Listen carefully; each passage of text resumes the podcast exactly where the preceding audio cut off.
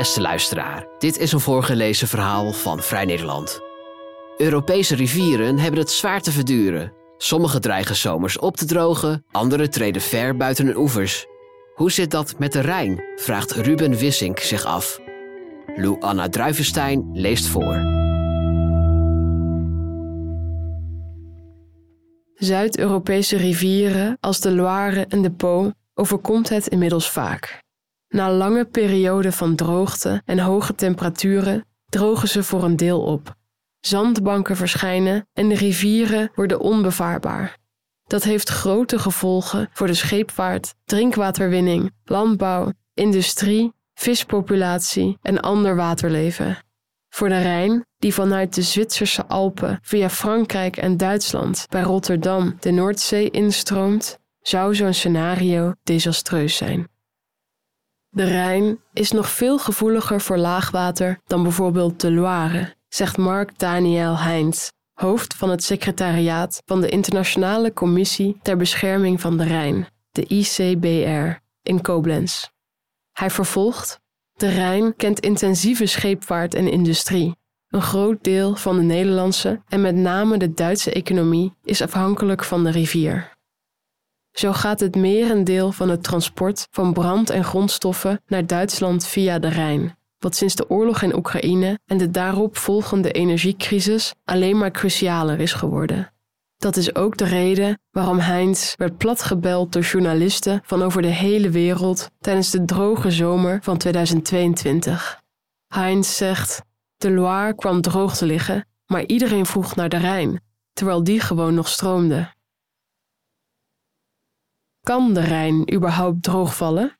Volgens Joost Buitink en Marjolein Mens van kennisinstituut DeltaRes hoeven we daar voorlopig niet voor te vrezen. Buitink zegt: In onze modelberekeningen komt droogval niet voor. Er blijft altijd wel water door de Rijn stromen. Voor kleine zijtakken van de Rijn bestaat de mogelijkheid op droogval wel, stelt de expert op het gebied van stroomgebiedshydrologie. Toch wordt de Rijn kwetsbaarder en krijgen we in de toekomst vaker te maken met laagwater.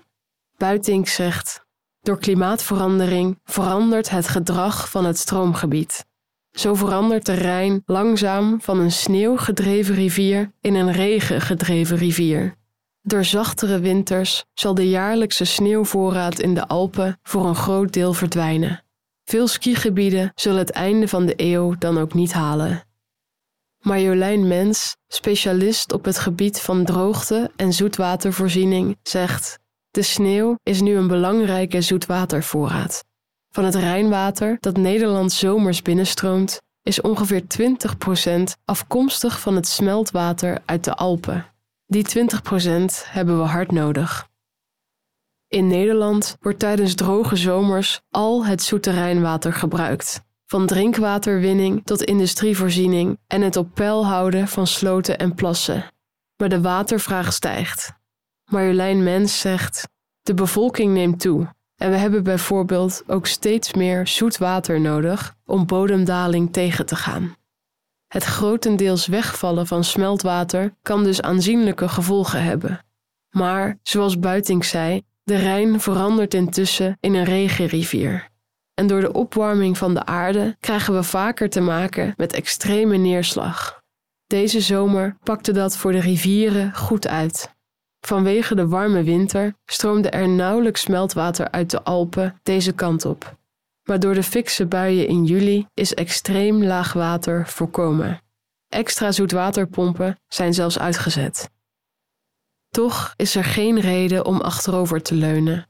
De Rijn zal zich namelijk in de toekomst een stuk onvoorspelbaarder gaan gedragen. Mens zegt: het meest onzekere element in de afvoervoorspelling is regen. De sneeuwvoorraad in het voorjaar kunnen we al redelijk goed inschatten en we kunnen berekenen hoeveel die kan bijdragen aan de afvoer tijdens de zomermaanden. Regen kun je vaak pas een paar dagen van tevoren voorspellen en zelfs dan is het geregeld nog onduidelijk waar het precies gaat vallen. Dan speelt ook nog mee dat als het in de zomermaanden regent, het intenser kan zijn. Als er ineens een grote bak water valt in het stroomgebied, is die vaak lastig vast te houden. vult Delta-res-collega Buitink aan. Een rampzalig voorbeeld was de zomer van 2021 in onder andere Limburg en delen van België en Duitsland. Mens zegt: situaties als deze gaan we door klimaatverandering vaker zien. Afgelopen zomer zagen we het al gebeuren in Slovenië en Noorwegen, waar zijrivieren ver buiten hun oevers traden en dammen doorbraken. Ook wat betreft droogte is er een verschuiving zichtbaar. De landen rondom de Rijn hebben sinds het begin van deze eeuw al drie perioden van extreme droogte meegemaakt. In de zomers van 2003, 2018 en 2022 werden keer op keer nieuwe laagwaterrecords geregistreerd. 2018 spande de kroon. Toen waren delen van de drukste rivier van Europa maandenlang onbevaarbaar, omdat het waterpeil tussen Mainz en Koblenz onder de 40 centimeter zakte. In Duitsland alleen al leverde dat 5 miljard euro schade op. Ook in de Rotterdamse haven zorgde de zomer van 2018 voor problemen. Johan Gille, scheepvaartadviseur van de haven van Rotterdam, zegt: Het was echt een wake-up call. Sinds 1976 was er niet zo'n lange tijd laag water geweest. De binnenvaart van en naar het Roergebied leed onder de lage waterstand. Gille vertelt: Door laag water kunnen schepen minder zwaar beladen worden. Ladingen bleven staan omdat er geen vervoer mogelijk was, of er waren soms twee keer zoveel schepen nodig om dezelfde lading te vervoeren. In 2018 stond de Rijn zo laag dat er te weinig tegendruk was van zoet rivierwater tegen de indringing van het zoute zeewater. Er stroomde zoutwater het Brielse meer in, een belangrijk zoetwaterreservoir voor industrieën in de haven. Mark IJsma, adviseur waterveiligheid van het havenbedrijf, zegt: We konden niet anders dan het toelaten. Om de industrie draaiende te houden, is door waterbedrijf Evides voor 1 miljoen euro drinkwater bijgemengd. In 2022 kwam het niet zo ver, maar volgens IJsma kan het bij een volgende uitzonderlijk droge zomer zo weer misgaan. Zoutwaterindringing is niet alleen een risico voor de industrie. Overal in Nederland gebruiken we rivierwater om drinkwater uit te winnen. Zelfs het IJsselmeer, ons grootste zoetwaterreservoir, wordt bijna volledig gevoed met Rijnwater. Maar als we in de toekomst vaker te maken krijgen met een lagere afvoer vanuit de Rijn en een versnelde zeespiegelstijging, zal het zoute water verder landinwaarts trekken. Marjolein Mens zegt: bijvoorbeeld de rivier de Lek op. Daar zitten innamepunten voor drinkwater. Die zouden bij 1 à 2 meter zeespiegelstijging permanent verzilten als het huidige beleid onveranderd blijft. Daarom wordt er onderzoek gedaan naar hoe we de zoutwaterindringing tegen kunnen gaan. Joost Buitink zegt: Eigenlijk zou in de winter meer zoet water moeten worden vastgehouden, zodat de basisafvoer in de zomer blijft bestaan en tegendruk kan geven. Toch denken beide deskundigen van DeltaRes dat water vasthouden in Nederland slechts een beperkte bijdrage kan leveren. Marjolein Mens zegt: Het waterpeil tijdelijk wat verhogen is niet voldoende voor onze watervraag, want je hebt dan enorm veel ruimte nodig. Ook verdampt een deel van het water. Eigenlijk vergt het een totaal andere landinrichting. Buitink zegt: Meer potentie zit in een aanpak op stroomgebiedsniveau waar mogelijk nog ruimte is in de bodem. Maar daar heb je internationale samenwerking met onder andere Duitsland voor nodig. Martijn Hendriksma, journalist en auteur, schreef in 2017 het boek De Rijn, biografie van een rivier. Hij zegt: Ik zou het nu anders opschrijven. Droogte is niet nieuw. In de 19e eeuw stond de Rijn al eens zo laag dat een Romeins beeld nabij Xante uit het rivierslip verscheen. Maar het wordt wel een steeds belangrijker thema. Hendriksma ziet potentie in de aanleg van reservoirs in Zuid-Duitsland en Frankrijk door het vrijgeven van de Rijn, geïnspireerd op het Nederlandse Ruimte voor de Rivier project.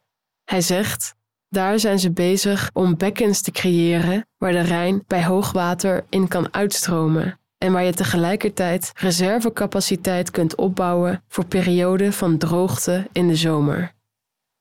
Volgens de Rijnbiograaf is het een belangrijke en symbolische correctie om de Rijn tussen Basel en Mannheim weer de vrije loop te geven. In de 19e eeuw werd de rivier hier juist gekanaliseerd, rechtgemaakt. Dit was het werk van de Duitse ingenieur Johann Gottfried Tulla om de bevaarbaarheid te verbeteren en ziektes te verdrijven. Door het vele stilstaande water kon de malaria-mugpopulatie er flink uitbreiden. Hendriksma zegt: Hiermee werd het natuurlijke reservoir weggehaald, maar liep Nederland juist meer gevaar. Door het smalle kanaal kwam het Rijnwater veel sneller en massaler onze kant op. Dat wordt nu dus weer teruggedraaid. Of het genoeg gaat zijn? Het is een druppel op een gloeiende plaat, maar wel een druppel, zegt Hendriksma. Ook de eerder genoemde Internationale Commissie ter Bescherming van de Rijn, de ICBR in Koblenz, zet zich in om de Rijn voor een deel in zijn originele staat te herstellen. In 1950 werd de commissie opgericht door alle Rijnoeverstaten om samen de waterkwaliteit in de toen behoorlijk vieze rivier te waarborgen. Heinz zegt: Er werd destijds redelijk ongecontroleerd afvalwater geloosd en de schadelijke mijnbouw was nog actief. Dat is nu totaal anders. Er zijn regels waar industrie, scheepvaart en gemeentes zich aan te houden hebben. Ook beheert de ICBR een internationaal alarmsysteem, zodat bij calamiteiten innamepunten voor drinkwater gesloten kunnen worden. Wanneer er bijvoorbeeld extreem laag water is, maar er nog steeds evenveel vies afvalwater wordt geloosd, kan dat de veiligheid van het drinkwater in gevaar brengen. Heinz legt uit: Nederlandse drinkwaterbedrijven worden meteen ingeschakeld als bepaalde drempelwaarden worden overschreden. Sinds de Sandos-ramp in 1986 staat ook biodiversiteit hoog op de agenda van de ICBR. Door een brand in een chemieconcern nabij Basel stroomden toen allerlei giftige stoffen de Rijn in, die vervolgens felrood kleurden en vol lag met dode vissen. De palingpopulatie van de Rijn stierf hierdoor bijna uit. Heinz zegt: Sinds deze milieuramp wordt in het hele stroomgebied de urgentie gevoeld om de biodiversiteit van de rivier te beschermen. Want ook legale afvallozingen kunnen slecht zijn voor de vispopulatie. Er zijn pogingen gedaan om vissoorten terug te krijgen in de Rijn, met succes. Door ze eerst in de rustige zijriviertjes los te laten, kunnen ze makkelijker wennen aan het water. Vroeg of laat migreren ze dan ook weer via de Rijn naar de oceaan. Heinz zegt met trots: alle vissoorten die er ooit waren, behalve de steur, zwemmen weer in de Rijn. Maar volgens Martin Hendriksma zijn we er nog niet. Hij zegt: net boven Straatsburg heb je een meetpunt. Daar passeerde in een recent zogenaamd recordjaar 166 zalmen. Vroeger waren het er miljoenen, dus het blijft een schamel aantal. De ICBR blijft de vispopulatie goed monitoren. Ook pleit ze voor natuurlijke oplossingen, zoals zogeheten ooibossen. Ooi betekent nat terrein nabij een rivier. Deze ooibossen zorgen voor schaduw en dus temperatuurafname, wat goed is voor de vispopulatie. Heinz zegt: bijna natuurlijke rivieren zijn bestendiger tegen klimaatverandering. Wat kunnen we nog meer doen om ons voor te bereiden op een Rijn die steeds onvoorspelbaarder wordt? Volgens scheepvaartadviseur Johan Gille staat het vraagstuk bij de Rotterdamse haven hoog op de agenda. Hij zegt: In 2018 werden we wakker. Nu moeten we wakker blijven. We monitoren de waterstanden actief en werken samen met andere beheerders aan betere voorspelmodellen. Verladers en vervoerders denken na over het organiseren van alternatieve treinverbindingen van Rotterdam naar het Roergebied. Gillen ziet dat de binnenvaartsector ook begint te bewegen.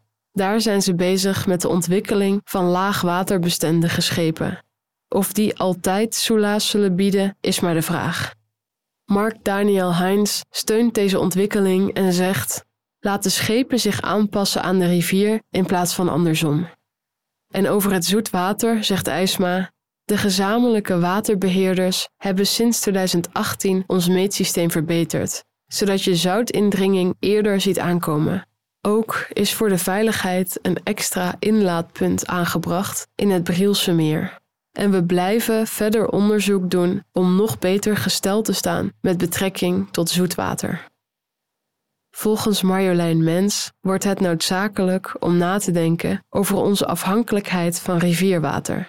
Ze zegt: De watervraag moet, hoe lastig dat ook is, omlaag. Dat betekent dat bepaalde sectoren in de toekomst zuiniger met water moeten omgaan. Volgens de zoetwaterexpert is het daarnaast nodig om een beter beeld te krijgen van de huidige wateronttrekkingen in het hele stroomgebied. Zo wordt er in Duitsland naast drinkwaterwinning bijvoorbeeld ook koel Rijnwater onttrokken voor de industrie en de irrigatie van landbouw. Marjolein Mens zegt: Er zijn wel pogingen gedaan om dit goed in kaart te brengen, maar dat gaat niet erg snel.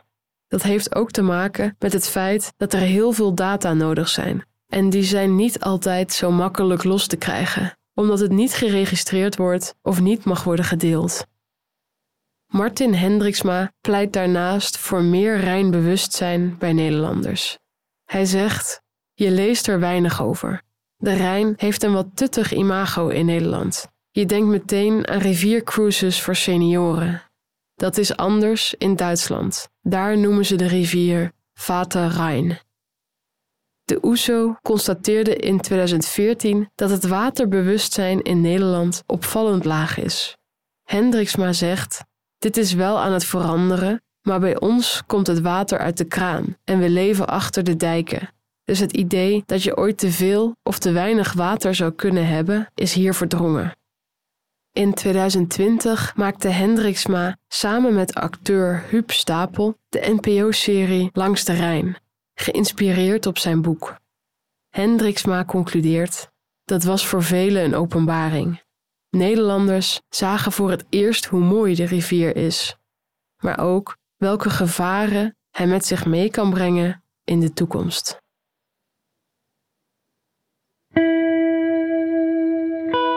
Wil je meer verhalen van ons lezen of beluisteren? Kijk dan op vn.nl of abonneer je op Vrij Nederland in je podcast-app.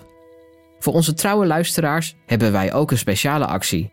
Een half jaar Vrij Nederland online voor maar 15 euro. Kijk voor de aanbieding en de voorwaarden op vn.nl/podcast. Bedankt voor het luisteren.